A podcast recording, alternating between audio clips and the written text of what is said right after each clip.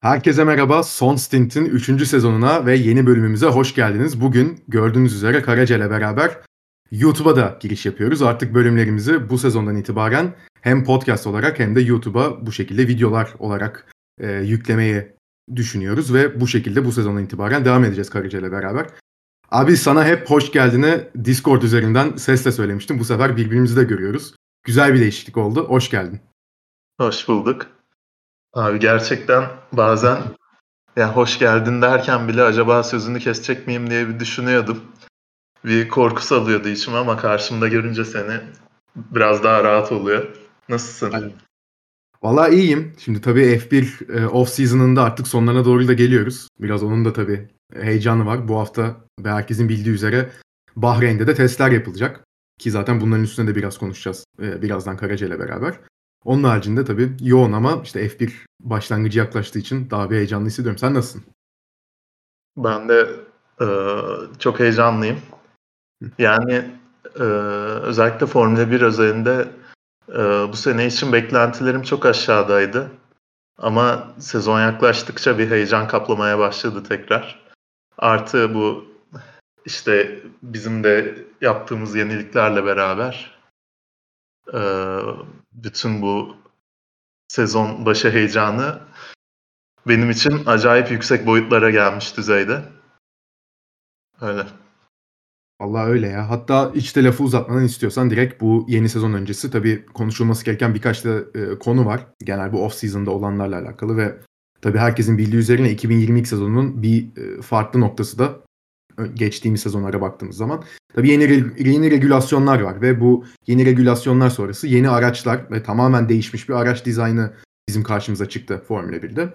Tabii Şubat ayı boyunca 10 tane takımın biz e, yeni araçlar tanıttığını bize gördük.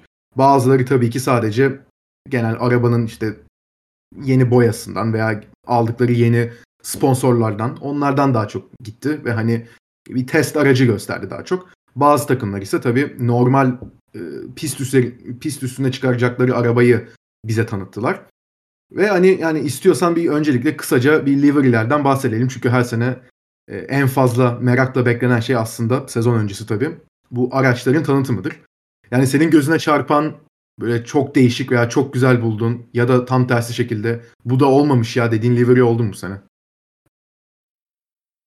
Ee, bu da olmamış dediğim sanırım olmadı. Ee, yani Formula 1 livery'lerinde hep böyle e, beklentileri düşük tutuyorum ben. Çünkü e, sponsorların çok büyük bir payı olduğu için arabanın nasıl gözükeceği konusunda e, çok fazla yaratıcılaşamıyor takımlar.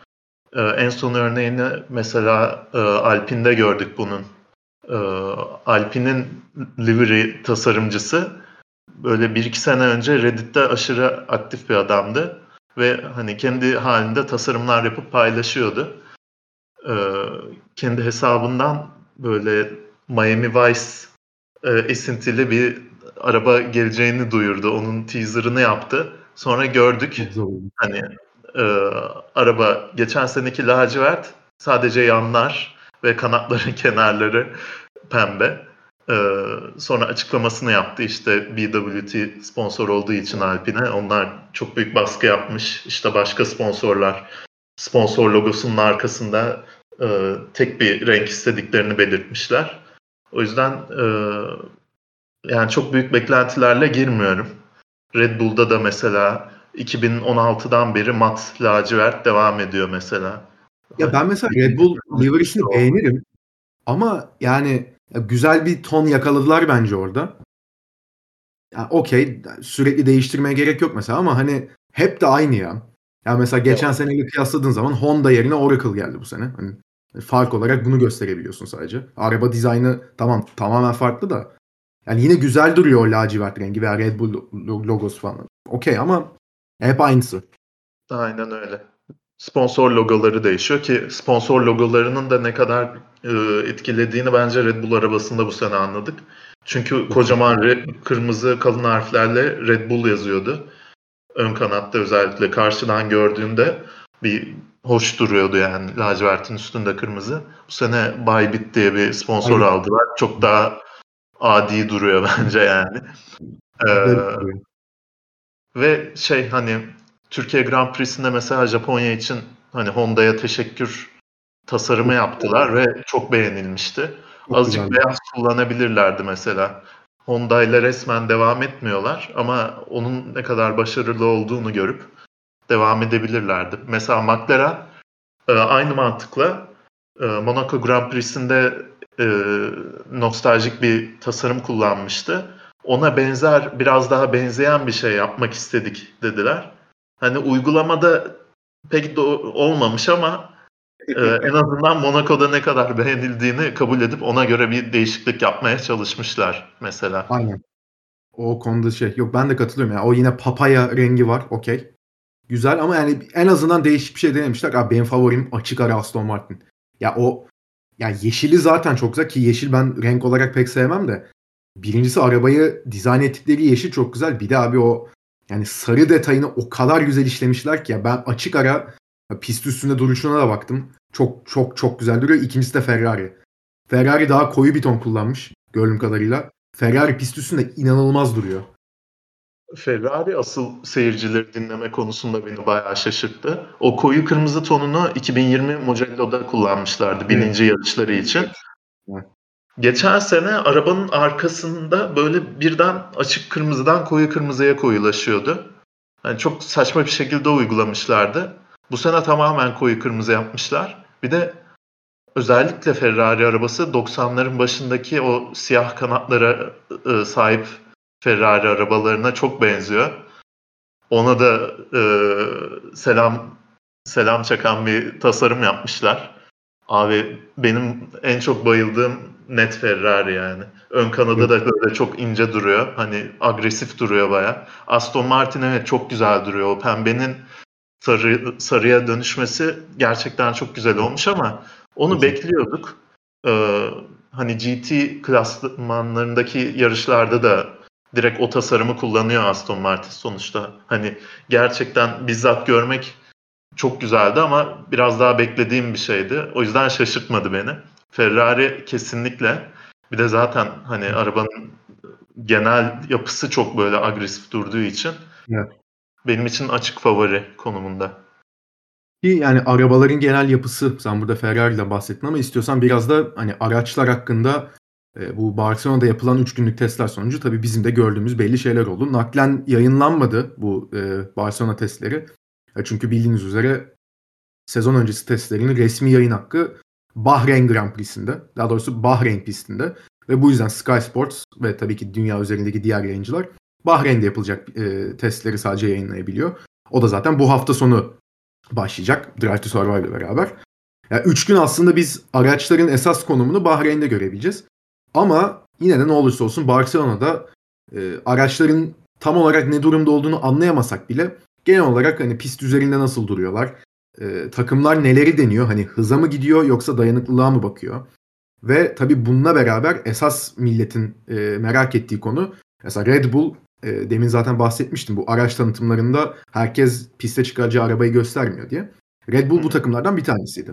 Ve zaten Barcelona pistlerinin ilk gününde hatta ilk gününde geçtim ilk saatlerinde piste çıkışlar sırasında en çok merak edilen yani hem gridde hem de e, sosyal medyada e, medya mensupları arasında en çok merak edilen araç Red Bull'un aracıydı. Hatta yani Lewis Hamilton'ın bile bir fotoğrafı çıktı ilk işte Red Bull aracının üstündeki perde kaldırılırken Hamilton e, garajın köşesinden aracı seyrediyor. Doğal olarak geçen seneki yani e, geçen seneki en büyük rakibi sonuçta Max Verstappen'di ve hani Max da geçen sene tabii kazandığı için doğal olarak Hamilton'da e, Red Bull'un ne durumda olduğunu merak ediyordur. Ve biz araçların tabii hani belli özelliklerinin birbirinden ayrıştığını e, gördük bu Barcelona testleri sırasında. Tabii teknik detaya çok fazla girmeyeceğiz. Hatta neredeyse hiç girmeyeceğiz e, bugün. Çünkü öyle bir altyapımız da tabii ki yok. Hani burada ahkam kesmek gibi olmasın ama e, araçlarda hani belli farkların olduğunu ve bu yeni gelen regülasyonlarla beraber bir iki de aslında sıkıntının çıktığını biz gördük. Hatta bunlardan istiyorsan ilkiyle başlayalım. Bu testler sırasında özellikle şimdi ilk önce e, sıkıntıdan başlayalım.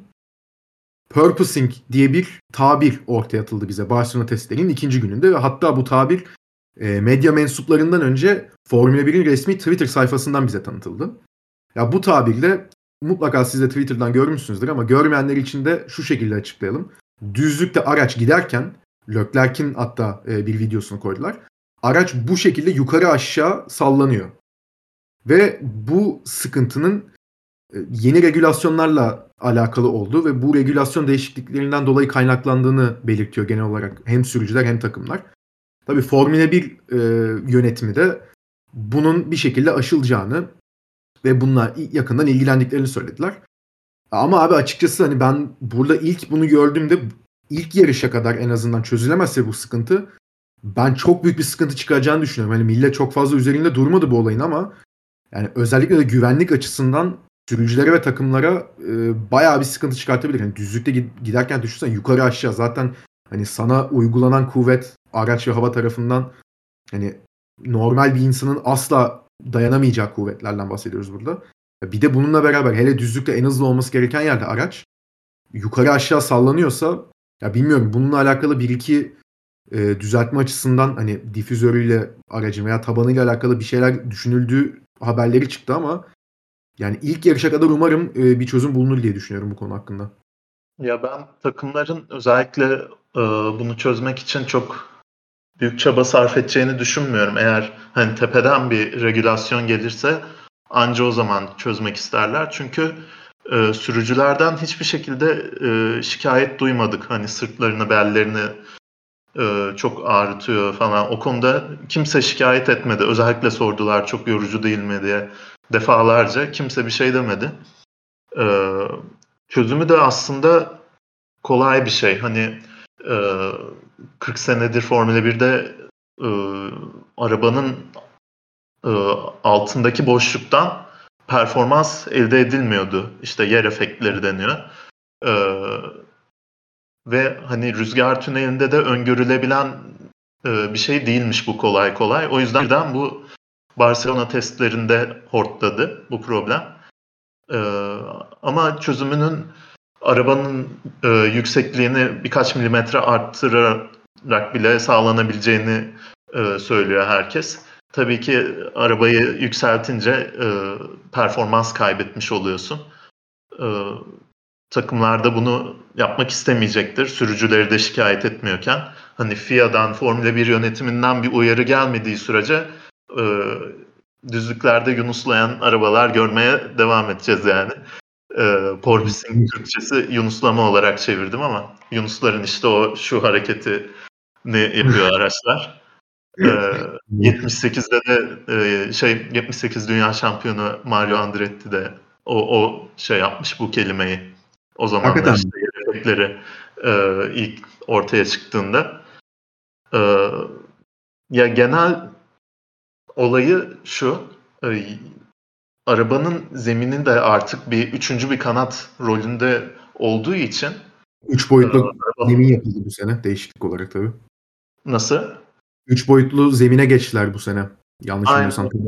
Yani e, orada da elementler var. Hava akışını yönlendiren ve oradan çok e, büyük ölçüde performans sağlıyor artık araçlar. Eskiden tamamen düz bir yapı vardı e, tamamen aracın üst kısmından işte bir sürü çıkıntılar görüyorduk. E, üst kısmından performans sağlanıyordu. Bu şekilde alttan e, e, hava akışı sağlanarak e, arkadaki aracı çok daha az etkileyecek şekilde e, havayı delecek araçlar.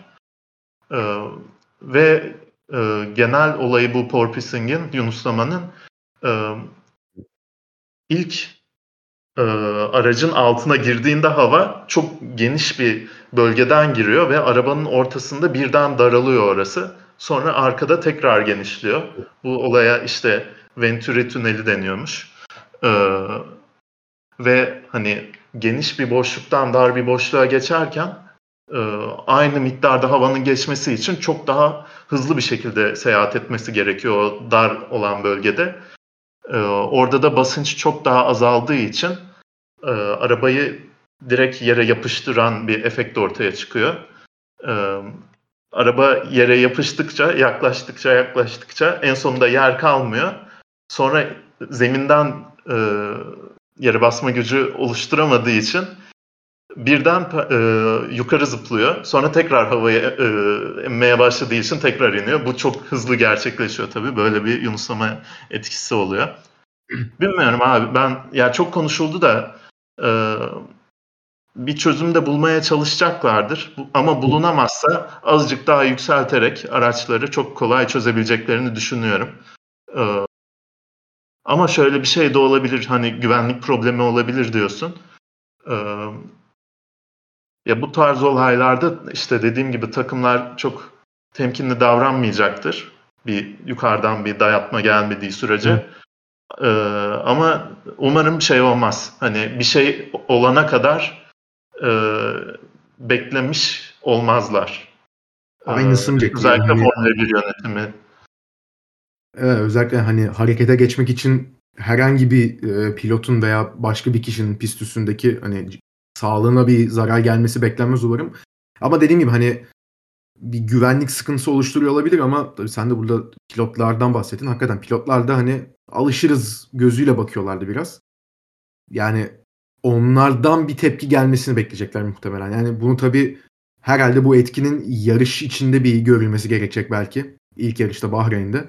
Yani etkileyebilecek, etkileyecek mi pilotları? Ne bileyim düzlükte mesela hamle yapmaya kalkıştıklarında konsantrasyon kaybı yaşamaları bile onlar için sonuçta çok büyük bir etken. Hani o kadar hızlı giderken o konsantrasyon seviyesinden çıkmamaları lazım çünkü. Onu bekleyecekler muhtemelen. Aynen sıkı sıkı tutmaya devam etmeleri gerekiyor. Zaten tutuyorlar da yani. Ee, şöyle bir şey var. Ee, DRS açınca bu etki çok daha az yaşanıyor. Çok daha az downforce yere basma gücü ürettiği için araç.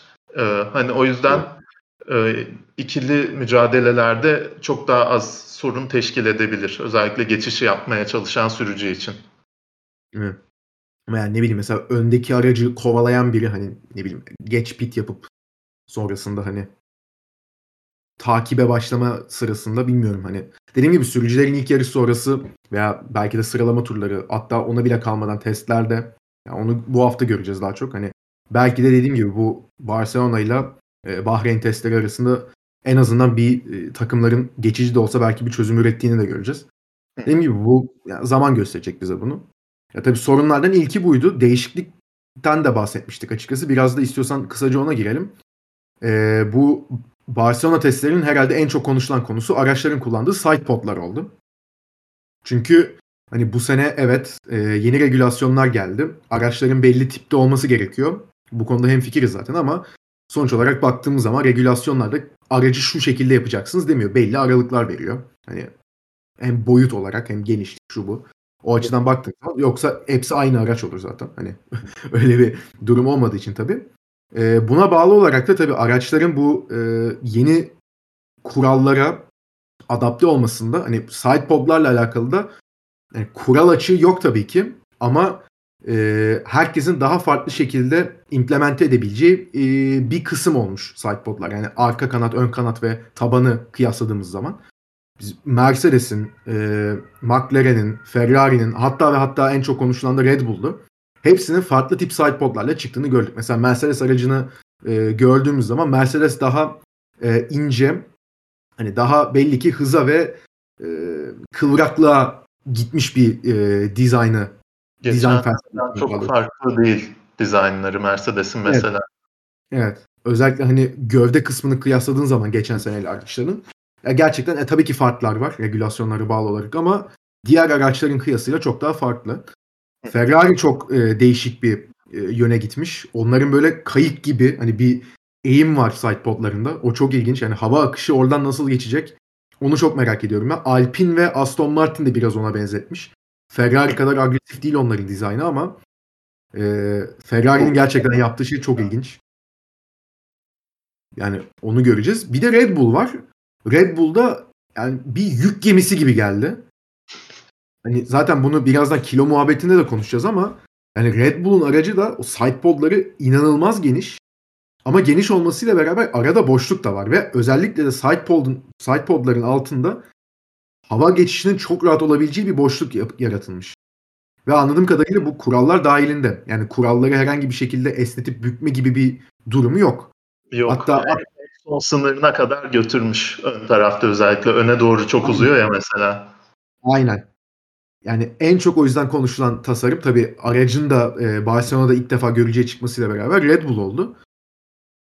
Ya açıkçası hani Red Bull'un aracını ben de görünce şey dedim yani ya bir şeyi çok iyi başardılar ve hani kimsenin göremediğini Adrian Newey gördü yine ya da tamamen yanlış anladılar ve hani iş çok kötü bir yere gidiyor. Hani Red Bull'un durumunda bence ortası pek olmayacak. Hani orta sıra takımına uygun bir dizayn değil çünkü bence o. Hakeza Ferrari için de aynısı geçerli bence. Aynen. Yani ama özellikle bu sidepod konusu çok e, konuşuldu genel olarak Reddit'te özellikle. Ee, Aynen çünkü hani arabanın en büyük parçalarından biri ve en büyük değişkenliğin göz, e, gözüktüğü e, kısmı herhalde araçların. Mesela Aston Martin'in de sidepodları aşırı öne gidiyor ama Red Bull'un sidepodunun üst kısmı yok. Alttan Evet. sadece hani böyle bir şey var ya e, Aston Martin'inki kapalı o yüzden çok göze batmıyor. Red Bull'un alt yarısı sadece öne gidiyor böyle. Havayı içeri e, şey yapıyor. Kürekle alır gibi böyle. E, yani buradan e, bir yorum insanlar e, yapıyor ama mesela e, YouTube'da Kyle Engineers diye bir kanal var. Bu kış testleri boyunca acayip popülerleşti araba, e, araç lansmanlarında. E, işte adam 2018'den 2020'ye kadar Mercedes Formula 1 takımında aerodinamikçi olarak çalışmış. Her aracı böyle 20 dakika boyunca yorumluyor. Hayata bak ya. Ee, ve hani e, adamın uzmanlık alanı ama o bile net bir şey söyleyemiyor. Çünkü hava daha o sidepodlara gelene kadar her arabada farklı şekilde hava e, akışı sağlandığı için performans hakkında bir yorum yapamam diyor. Deneyimime dayanarak bir şey söyleyebilirim ama önce e, hani bazı e, çizimler görmem lazım. Akışın, hava akımının nasıl olduğunu görmem lazım o noktaya kadar diyor. O yüzden hani mesela Red Bull'un ön kanadıyla e, tasarladığı ön kanatla beraber çok uyumludur mesela kendi tasarladıkları sidepod ama alıp da Ferrari'nin sidepodunu o araca e, Evet, evet. koymaya çalışırsan geri tepebilir. E, o yüzden yani yorum yapmak çok zor. Ee, bazı spekülasyonlar yapılabiliyor. İşte e, hava geri, hava akışını nasıl sağladığını e, anlatıyor insanlar. Mesela Red Bull çok büyük bir açıklık bırakmış ya alt tarafta. Alttan işte sidepod'un altından geliyor da böyle gidiyor. Ee, gibisinden yorumlar yapılıyor ama hani ne demek, ne kadar performans sağlayacak bilmiyoruz. Oradan e, işte arka kanadın alt kısmına götürüyor, oradan difüzöre götürüyor falan diye anlatıyor millet. Ama hani bir gözlem bunlar, bir yorum yok ya da hiçbir e, şey elle tutulur bir sonuç çıkaramıyorsun. E tabi Barcelona testlerinde de çok sınırlı erişimimiz olduğu için e, hiçbir şey diyemiyoruz şu şu e, aşamada. Bu sidepodlardan önce ilk e, takımlar renderlarını paylaştığında daha lansman sürecinde bir de süspansiyonlar çok konuşuluyordu mesela. Evet. İşte pull rod ve push rod diye. Ee, birinde arabanın merkezine böyle gidiyor. Ee, süspansiyon kollarından biri birinde böyle gidiyor. İşte e, bir önceki nesilde birkaç sene boyunca e, hatta 8-10 sene boyunca biri çok daha avantajlıydı. Ama arabaların geometrisi öyle bir değişti ki işte artık zeminden yere basma gücü sağlanıyor. O yüzden aşağıya hava e, yönlendirmek de çok daha e, avantajlı bir durum. O yüzden e, acaba hani e, diğer yönteme gidilir mi diye çok konuşuldu pull rod yöntemine. E, o da aynı şekilde hani ön kanattan nasıl geliyor hava ya da yani süspansiyondan evet hani e, biri daha avantajlı olabilir falan deniyor ama e, süspansiyondan biri daha aşağıya daha fazla hava yönlendiriyor, biri daha fazla yönlendiriyor. E tamam. Sonra side pod'da ne olacak? Arka kanatta ne olacak? Arabanın bütününü e, bilip öyle konuşmak gerekiyor biraz. E, Bu arada şey o iki süspansiyon e, konfigürasyonlarının herhangi bir avantajı yok sanırım çok büyük anlamda. Tek avantajı havayı nereye e, hangisi daha fazla yönlendiriyor o açıdan. 2009 Brown GP gibi bir şey olmayacak difüzörlerle alakalı. Yani hani millet biraz ona olur mu acaba falan demiş de sonra zaten genel olarak e, işin tekniğiyle alakalı bilgisi olan insanlar da cevap vermiş zaten öyle bir şey yok yani diye ki zaten 2009'dan sonra bunun da önü kesildi. Tabii tabii e, şey hani e, bu sefer artık bir heyet kuruldu bu kurallar için. İki sene, üç sene önce heyet kurulmuştu. Herhangi böyle çok büyük loophole'lara izin vermeyecek bir şekilde kuralları çok e, detaylıca çalıştılar.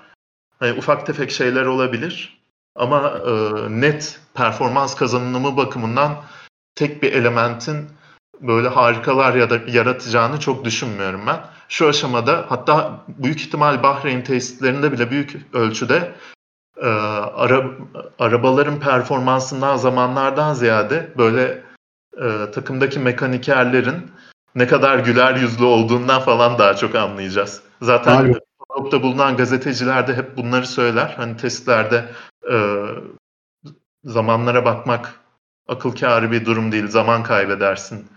E, onlardan bir analiz yapmaya çalışırsan diye. Genelde işte Ferrari mekan mekanikerleri mutlu mu? İşte Carlos Sainz soru cevaplarken böyle tebessümünü saklayamıyor mu? Ha tamam o zaman iyi bir araba olabilir. Böyle bakmak lazım diyor hep gazeteciler. Ee, aslında çok da uzun konuştum ve hani henüz hiçbir şey bilmiyoruz'a getirdim ama, dur, ama durum bu yani. Çok fazla heyecanlanmamak gerekiyor şu an. Yani zaten tam hani F1'in bu dönemi için silly season denir ya. Tam hani onun özeti o. Yani sayfalarca, paragraflarca yazı yazarsın. Üstüne 3 saat konuşursun ama sonunda hiçbir şey bilmiyorsun. Hani zaten tamamen spekülatif yorumlar üzerinden e, giden bir dönem bu. Ya benim de açıkçası en sevdiğim dönemdir ama. Dominasyonunda kış testlerinde en iyi araba Ferrari dendi mesela. Yani. Evet. Tabii. Ya bu zaten genel kış testlerinde elini açık oynayan son senelerde benim hatırladığım sadece geçen sene Red Bull var.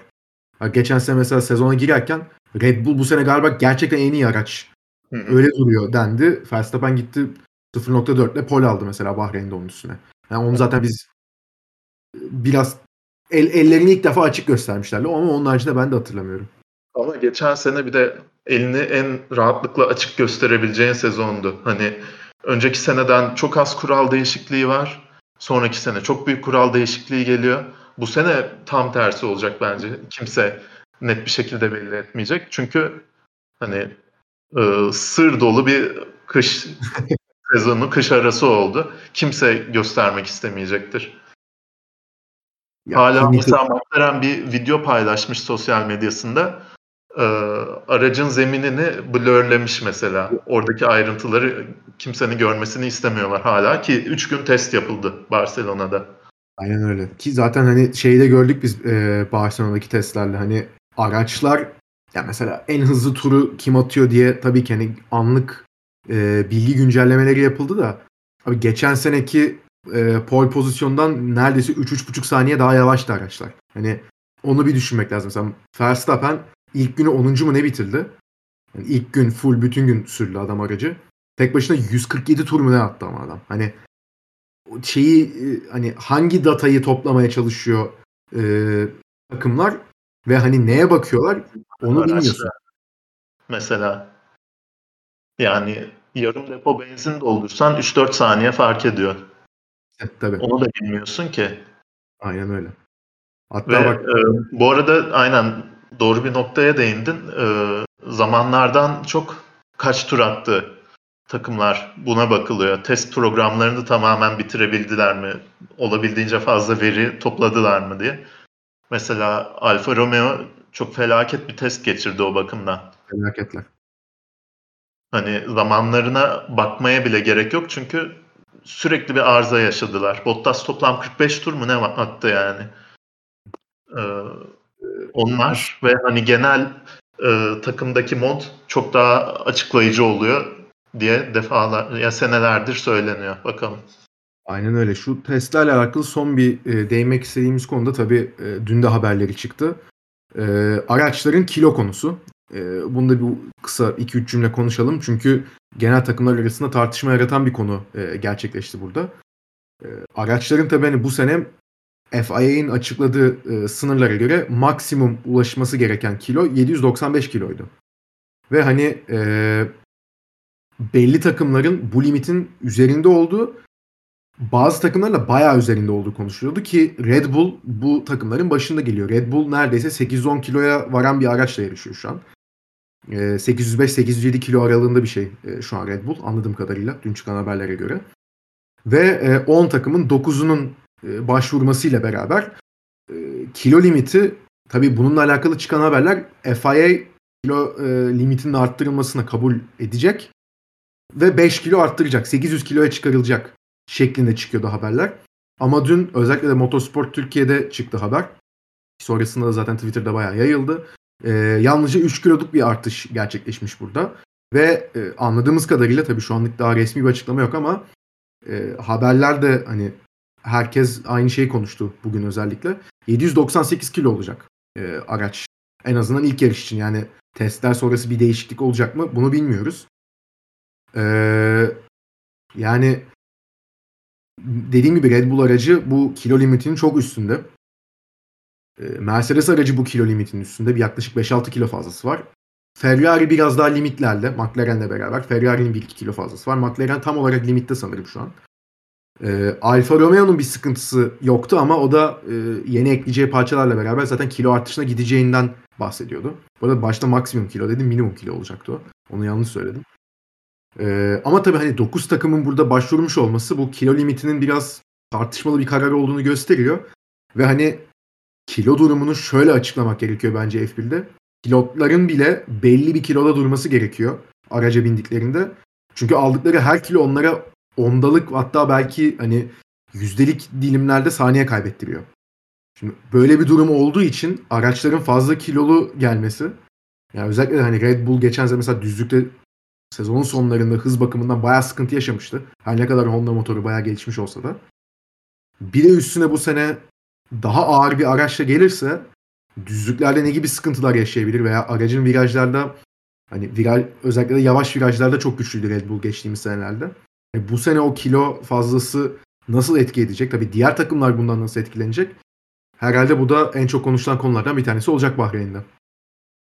Yani e, Rosberg'in şampiyon olduğu seneden çok böyle benim aklımda kalan bir söz vardı. Yazın mesela e, bisikletle işte antrenman yapmayı çok seviyormuş. E, ama o sene 2016 sezonunun e, yaz arasında e, bisikletle antrenman yapmamış. Çünkü e, kalflarımda kas oluyordu.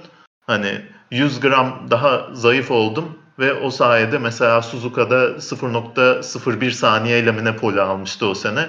O sayede poli aldım diye o e, sıralama turlarından sonra açıklama yapmıştı mesela. Ki e, biz burada 100 gramdan değil 3-5 kilodan bahsediyoruz. Formula 1'de gerçekten çok büyük bir fark. Ve sadece 3-5 kilo değil o ağırlığın nasıl e, dağıldığı da çok önemli. E, yani Bilmiyorum. Mesela bir, bir takım yapmış sonuçta. McLaren 795 kiloda kalmış. Ee, diğer takımların da e, isteseler, diğer takımlar da istese de e, o limitte olabilirdi herhalde diye düşünülebilir. Hani bu tarz tam sezon ortası olmuyor ama hani e, bu sezon için hazırlıklar çoktan başladı. O yüzden sezon hazırlıklarının ortasında diyeyim. Bir kural değişikliği e, bence bütün takımlar e, kabul ettiği sürece olmalı. McLaren o zaman niye uğraştı limitte indirmeyi? E, onun dışında senin de dediğin gibi hani e, neyi yanlış hesapladılar da hiçbir ta- yani 10 takımdan 9'u o limitte e, erişemedi. O da ilginç bir soru gerçekten. Bu arada yani 800'lü kiloları da Formula 1 araçlarında gördük. O da ilginç bir durum yani. Bu arada hani Red Bull hani 10 kilo nasıl fazla gelebilirsin ya? Yani şaka mı yapıyorsunuz abi siz? Hani Ki hani en tekno şey hesabı yapılıyor ya. Yani dizayn anlamında en hani Formula 1 tarihinin en efsane ismini barındıran bir takım yani Red Bull aslında baktığımız zaman. Çok ilginç geliyor bilmiyorum. Bu kilo muhabbeti tabii ee, dediğim gibi Bahreyn'de de özellikle şimdi bu limit artışı da resmileştikten sonra zaten bunu Bahreyn testlerinden sonra konuşuruz. Biraz şimdi diğer haberlere geçmek istiyorum. Çok ufak bir e, tabii esas Haas konusuna geçmeden önce çok ufak bir şey hakkında fikrini almak istiyorum senin. Andretti haberleri çok çıktı bize. Özellikle Barcelona testlerinden önce bu araç lansmanlarının yapıldığı vakitte. Ve e, Andretti Formula 1'e 11. takım olarak kendi takımını sokmak istediğini açık açık beyan etti zaten. Yani e, Formula 1 kamuoyundan açıkçası yani taraftar ve hani biraz da medya kısmından ben bayağı pozitif tepki geldiğini gördüm. E, ama neden bilmiyorum. E, gazetecilerden özellikle de bu Barcelona testleri sırasında tabii e, takımlardan belli isimlerle de e, çok uzun olmasa da röportajlar yapılabildi ve belli konular hakkında sorular sorulabildi. Takımlardan bazılarının e, grid'e 11. takımın girmesine hiç sıcak yaklaşmadığı belirtildi. Bunların başında hatta Mercedes'in geldiği Toto Wolff'ün e, Andretti'nin kendi takımını sokmasına çok karşı olduğu söylendi. Mercedes cephesi bunu e, belli kanallar aracılığıyla yalanladı sonrasında ama ya bu e, konuşma açıkçası ya daha doğrusu Toto Wolff'ün bu dedikleri, bu dedikodular e, hala devam ediyor. Ve dediğim gibi belli takımların hala isimleri çok açıklanmasa da e, bu konuya karşı durdukları söyleniyor. Ya ben açıkçası 11 takım meselesine olumlu bakıyorum. Tabii hani Haas durumuna düşmeyeceklerse o çok farklı bir şey ama limitin de 11 olduğunu düşünüyorum. Yani mesela 12. takım yani 24 araç artık bence yani mesela Monaco'yu düşünüyorum. 24 araçta olmaz. Yani hani araçların ne kadar büyüdüğünü ve hani demin zaten kilodan da bahsettik düşününce ya belli bir artık herhalde doygunluğa ulaştı araç sayısı da ama ya Andretti'yi de sonuçta F1 ve hani genel yarış çevresi olarak düşündüğümüz zaman yani bir isim gelecekse bilmiyorum Andretti takım kurma açısından kötü bir isim bence değil kağıt üstünde. Abi ki on araç bile fazla geliyor o yüzden ee, o ayrı bir durum da. Ee, yani üst limit nedir? Ona ben pek kafa yormadım açıkçası ama şu an e, hani 12 de bana fazla geliyor birden. iki takımın birden gelmesi. Ee, ki hani 20 senedir izliyorum. En fazla 12 takım vardı. İşte 2010'ların başında. Ben de çok olumlu e, karşılıyorum. Çünkü hakikaten sağlam bir teklifle geliyorlar yani. Sanırım Andretti grubunun da çok ciddi bir yatırımcısı varmış. Hani finansal olarak da hiçbir e, sıkıntı yaşayacaklarını düşünmüyorum. Ee, takımlar, yani şu anki mevcut 10 takım e, yeni bir takımın girmesi için 200 milyon pound e, ödenmesi gerektiği koşulunu böyle tekrarlıyorlarmış. İşte senin dediğin birkaç takım özellikle herhalde bunu tekrarlıyor. E, her takım 20 milyon pound alacak başka bir takımın katılması için. E abi sorun ne o zaman? Yayın gelirlerinin 10 değil de 11'e bölünmesi mi? Muhtemelen. Ama yani Amerikan bir takım geliyor ve senelerdir, 10 yıllardır Amerikan pazarına genişlemeye çalışıyorsun. Evet Haas var ama yani Haas o, o açıdan kuvvetli başladı. Amerikan bayrağıyla yarışıyorlardı mesela ilk birkaç sezon. Ama e, yani geçen sene e, ki arabayı biliyoruz. Bu seneki hani lanse edilen arabayı biliyoruz en azından. Amerikan bir takım olmaktan e, ya da öyle gözükmekten e, tamamen çıkmış durumda. Ki e, Andretti ayrıca direkt şeyi de söyledi. E, takım olursa 2024'te 2024 için başvurdular.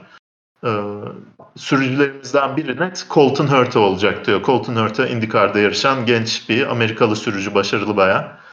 E, hani IndyCar'dan da sürücü getirmek bakımından, Amerikan sürücü getirmek, e, Otmar Zafnauer'ı almak istemişler. Alpine gitmiş sonra o mesela. O da Amerikan e, şey takım patronu olacaktı. Bu işte Aston Martin'deydi. Bu sene Alpine geçti. E, şeyden Drive to Survive'da e, Lawrence Stroll'la diyaloglarından hatırlarsınız. İnanılmaz e, bir tamamdır patron moduna girmesinden böyle. e, şey hani o Amerikan takımı olacağız yüzde yüz şeyine de tam oynuyorlar. E, motor tedarikçimiz bile hazır demişler. Muhtemelen Renault'da hatta e, onayladılar onu değil mi? Renault olacak diye. Renault motor kullanacağız katılırsak diye. o da Renault motorunu bir tek Alpine kendisi kullanıyor. Hani onların da bir ikinci takıma ihtiyacı var açıkçası. Ee, ya her açıdan kuvvetli duran bir başvuru ve bence kesinlikle olmalı. Bu en son e, en son değil 2016'da Haas eklendi de 2010'da 3 takım eklendiğinde onlara mesela e, cost cap, salary cap e, olacağı vaat edilmişti. O şartlar altında girdiler Formula 1'e ama o işte e, bütçe sınırlaması bir türlü gelmedi. İşte geçen sezon geldi. E, öyle olunca da hiçbir şekilde mücadele edemediler ve hani 2-3-4 sene sonra o takımlar gridden kayboldu. E, şimdi bütçe sınırlaması da var. E, şey de var ayrıca hani IndyCar'da Colton Herta dışında daha e, gayet iyi e, Amerikalı sürücüler de var. Formula 2'de bir tane var. Hani full Amerikalı yapacaksa, onu oynayacaksa her açıdan kuvvetli bence. E, neden olmasın bence. Aynen Ve öyle. hani 20 senedir gördüğüm en kuvvetli başvuru. Böyle 2010'da Stefan F1 bilmem ne falan vardı ya. Toyota arabasını satın, satın almıştı. Aman abi. Gerçekten yani.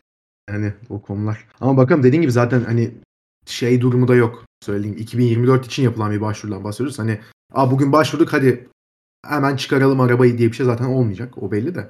Ee, ama hani ben en azından bir 2-3 ay içinde bu meselenin e, bir sonuca varacağını olumlu veya olumsuz düşünüyorum. Çünkü zaten hani e, Bahreyn'de de özellikle bu testler sırasında Andretti'nin gelip e, hem FIA ile e, hem işte o Ross Brown'larla hem de e, takım patronlarıyla konuşacağı söylendi.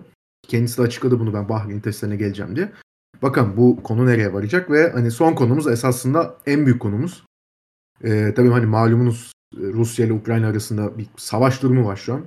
Ve e, bu durumdan dolayı tabii Formula 1'de de Haas'ın geçen sene Ural Kali sponsorluğuyla ve Nikita Mazepin'le yola çıkması büyük bir tartışma yaratmıştı. E, yani Mazepin'in babasının yani baba Mazepin'in zaten e, Putin'e olan yakınlığı ve bir yani oligark olması zaten e, ve o Putin'in çok yakın çevresinde bulunması zaten ilk girişte bir, bir biraz değil hatta bayağı bir tepki çekmişti. Bu tamamen Nikita Mazepin'in e, pist dışında yani yarışlar dışında yaptığı dangalaklıklardan bağımsız bir şey söylüyorum. O zaten çok farklı bir durum da. Hadi geçen sene bir şekilde her yarış yine bir tepki gösterildi bellice taraftarlarca da bir yerden sonra o da kesildi doğal olarak ama bu savaş durumu ortaya çıktıktan sonra hani e, Rus takımlarının işte Rus sponsorların, Rus sporcuların e, hani müsabakalardan, uluslararası müsabakalardan zaten e, birer birer çıkarıldığını gördük ve e, bu açıklamalar tabii hani işte Avrupa'da basketbolda biz Euroleague'de bunu gördük. E, UEFA Dünya Şampiyonası'nda mesela Dünya Kupası elemelerinde Rusya'nın oynayacağı maç iptal edildi. E, veya ne bileyim futbol ligi iptal edildi. Rus takımlarının futbolda ve hakeza basketbolda ve voleybolda da e, Avrupa şampiyonalarındaki e, mücadeleleri iptal edildi.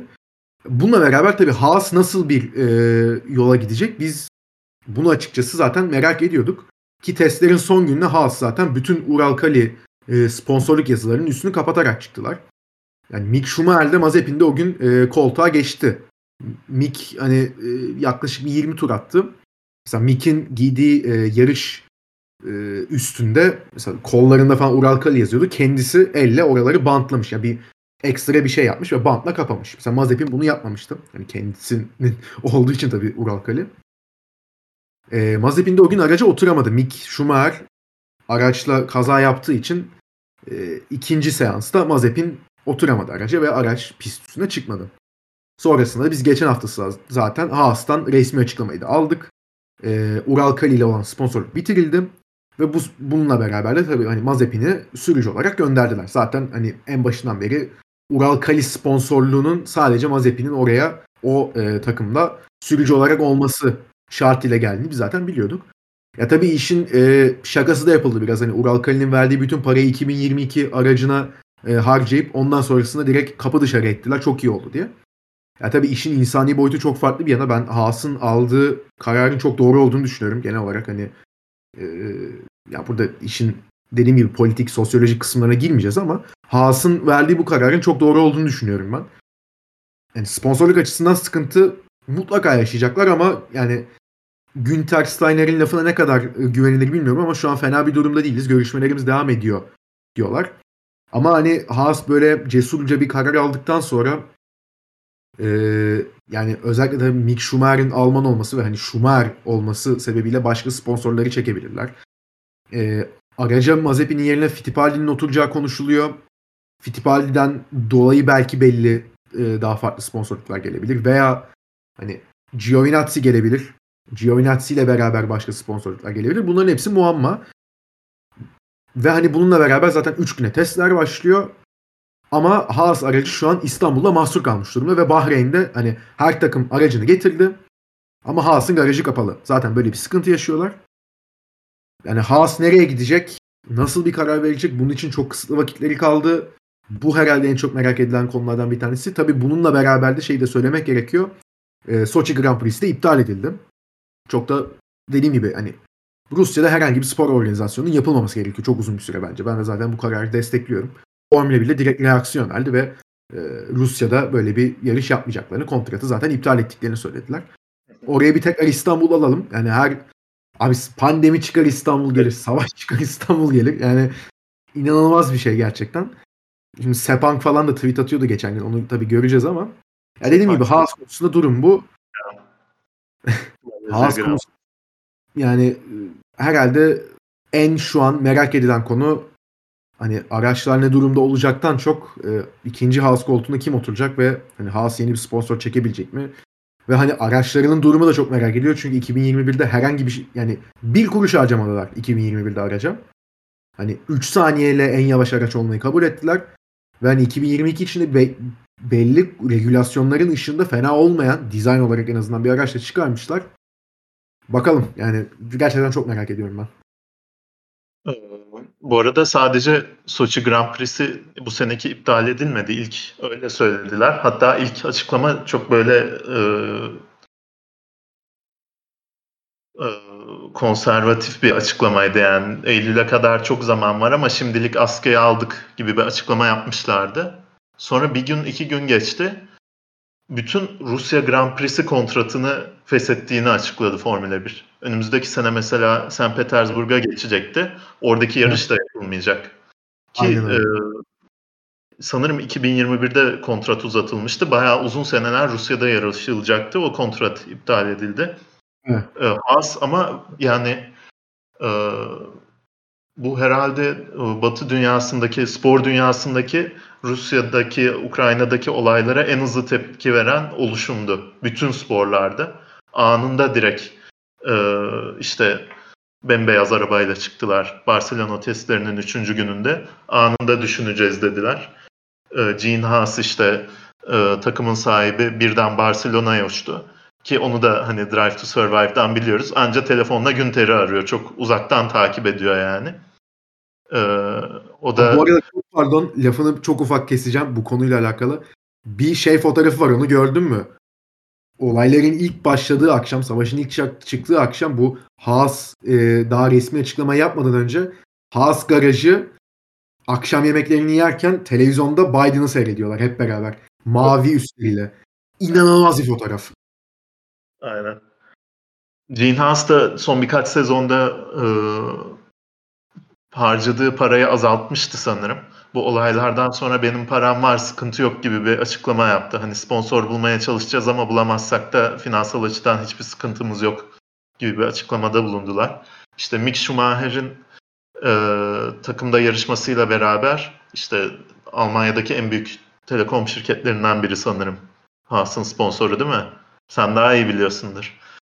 Tabii bir, biri dedim. En, en iyisi demedim ee, şey e, onlar da Alman sürücü olmasını istiyor takımda. İki Alman sürücü olursa belki daha fazla para verirler. Bu evet. yüzden Nico Hülkenberg konuşuluyor mesela ciddi bir şekilde. Ee, onun dışında Magnussen tekrar konuşulmaya başlanmış. Ee, başka Giovinazzi konuşuluyor. Piastri e, için Alpine'in itelemesi çok doğru olur bence. Çünkü hani e, Alpine'in satın aldığı koltuk yok ve hani verebileceği bir e, koltuk da yok kendi takımında. Alonso ile Ocon kilitli durumda orada. Sana gerçekçi geliyor mu Piastri ihtimali? Bana niyeyse gelmiyor. Bana da bana bana da çok gerçekçi gelmiyor ama yani ellerinden geleni yapmalılar. Kesinlikle, kesinlikle katılıyorum. Olacağından değil ama e, kesinlikle denemeleri lazım. Çünkü yani e, Formula 3'e Formula 3'ten 3'te şampiyon oldu. 2'ye geldi Formula 2'ye. Geldiği sene şampiyon oldu. Bunu çok fazla pilot yapamıyor. Hani gerçekten yetenekli olmak gerekiyor. Ee, tecrübeli bir isim arayacaklardır bence. Özellikle hani sezonun başlamasına şu an iki haftadan az bir süre var. Ee, ilk testlerde bu e, gelecek sürücü aracı kullanmadı hani çabuk adapte olabilecek Formula 1'e alışık birinin gelmesi çok daha uygun olur. E, Giovinazzi mesela hala e, Ferrari'de test pilotluğu, yedek pilotluk yapıyor. 2022 araçlarına en azından aşinadır biraz. Hani Haas aracına olmasa bile. Bu arada dediğin gibi e, parayı çok güzel harcadılar. Şimdi şutladılar gibi bir durum da var. Öyle bir e, komik durum var gerçekten. Haas aracında da ufak tefek böyle ayrıntılar var. Geçen seneki araca hiç zaman harcamadıkları için onların da e, hani çok büyük sürpriz yaratmayacağı ama e, gayet e, orta sıralara e, orta sıralarda savaşabilecek bir arabaya sahip olabilecekleri düşünülüyor sanırım bazı kişiler arasında. Yani geçen seneki gibi boş bir koltuk, boş bir sen, sezon olmayacak gelecek sürücü içinde. Yani ama tabii hani genel Haas'ı düşündüğümüz zaman abi sen mesela diyorsun hani sezona bu kadar az kaldı. Hani testlere en azından oturtması gerekiyorlar diye. Abi testleri yapabilecekler mi? Yani ya iş abi, sadece o değil. bir takım var mıdır? Hani biraz da kendilerinden ötürü de Rich Energy ile mesela anlaşmaları kendi salaklıkları da hani ne bileyim abi. İstanbul'da mahsur kalmışlar. Bu inanılmaz bir şey ya yani. Haas ekibinden dinleyen varsa beklerim. E tabi yani biz taşıyalım en kötü İstanbul'dan. Hani Aynen. yani bilmiyorum çok ilginç. Bakalım dediğim gibi Haas herhalde şu an en çok merak edilen konulardan bir tanesi. Yani bilmiyorum benim gönlümden geçen bir isim de yok yani Haas koltuğu olduğu için. Hani e, şu an için çok da açıkçası üstüne konuşabilecek bir durumda da değilim. Hani. Pişman olabilirsin bir iki aya. Ben Haas'tan umutluyum. Yani böyle üçüncü olacaklarından değil de 7-8 olsalar yeter. En arkada ben, olmasınlar. En kötü takım olacaklarını düşünmüyorum. En kötü takım için bir tane e, adayım var. Ama onu Bahreyn testlerinden sonra zaten bir hani iyice bir görelim de e, şey söyle adını. Abi Silver Arrows ama tersten hani. ya yok tabii Mercedes tabii ki değil de yani e, Bahreyn testlerinden sonra zaten hani seninle bir e, testleri değerlendirmek için Drive to Survive'ı da konuşuruz. E, yeni bir yayında çekeceğiz. E, daha hani araçların en azından ne gibi bir durumda olduğunu yani ellerin ne kadar açık oynayacaklar ve bunu yayının başında da konuştuk bilmiyoruz ama en azından Barcelona testlerine göre daha bir e, veri elde edebileceğimiz bir üç gün geçireceğiz çok büyük ihtimalle. Ki hani bu testler öncesinde de şeyde söylemek gerekiyor. Özellikle Mercedes ve Red Bull'un tamamen farklı araçlarla geleceği konuşuluyor. Ya biz bugün hatta sidepodlardan konuştuk yaklaşık 10-15 dakika ama hani konuştuğumuz sidepodları bile görmeyebiliriz biz Bahreyn'de. Hani hiç belli değil. Hiçbir şey belli değil.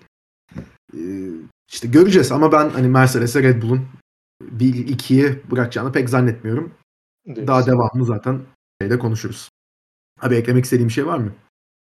Ee, yok hayır. Çok güzel bir cliffhanger'da bıraktın. Ben daha fazla konuşmayayım bundan sonra. Diyecek çok şeyim var da şu an. Diyecek çok şey var da değil mi? Hani onu önümüzdeki... yiyorum boşuna değil. onu önümüzdeki bölümlere bırakalım. Önümüzdeki bölüm bende zaten e, full turuncu çıkacağım. Yani Doğru. hani podcast'te dinleyenler vardır. YouTube'da yeni görenler hani olacaksa şey McLaren'i desteklediğin için tabii değil mi? tabii tabii hiç yani hani Avrupa'nın bir ülkesiyle alakası olmayan biri hani özellikle. Hani kimi tuttun. Ama bunu bir önümüzdeki yayınlarda zaten uzun uzun diye konuşacağız. Abi ağzına sağlık teşekkür ederim. İlk YouTube yayınımızı da yaptık. İlk yayın günahı olmaz ama hani elimizden geldiğince en azından e, konuşmaya çalıştık. Sürçülisan ettiysek affola diyelim. Çok teşekkürler tekrardan. Aynen teşekkür ederim. Senin de Böylelikle ağzına de, teşekkürler. Böylelikle de 3. sezonumuzun son stintte ilk bölümünün sonuna geliyoruz. Hem YouTube'da hem de Spotify'da sizlerle beraber olmaya devam edeceğiz. Bizi izlemeye ve dinlemeye devam edin. Hoşçakalın. Hoşçakalın.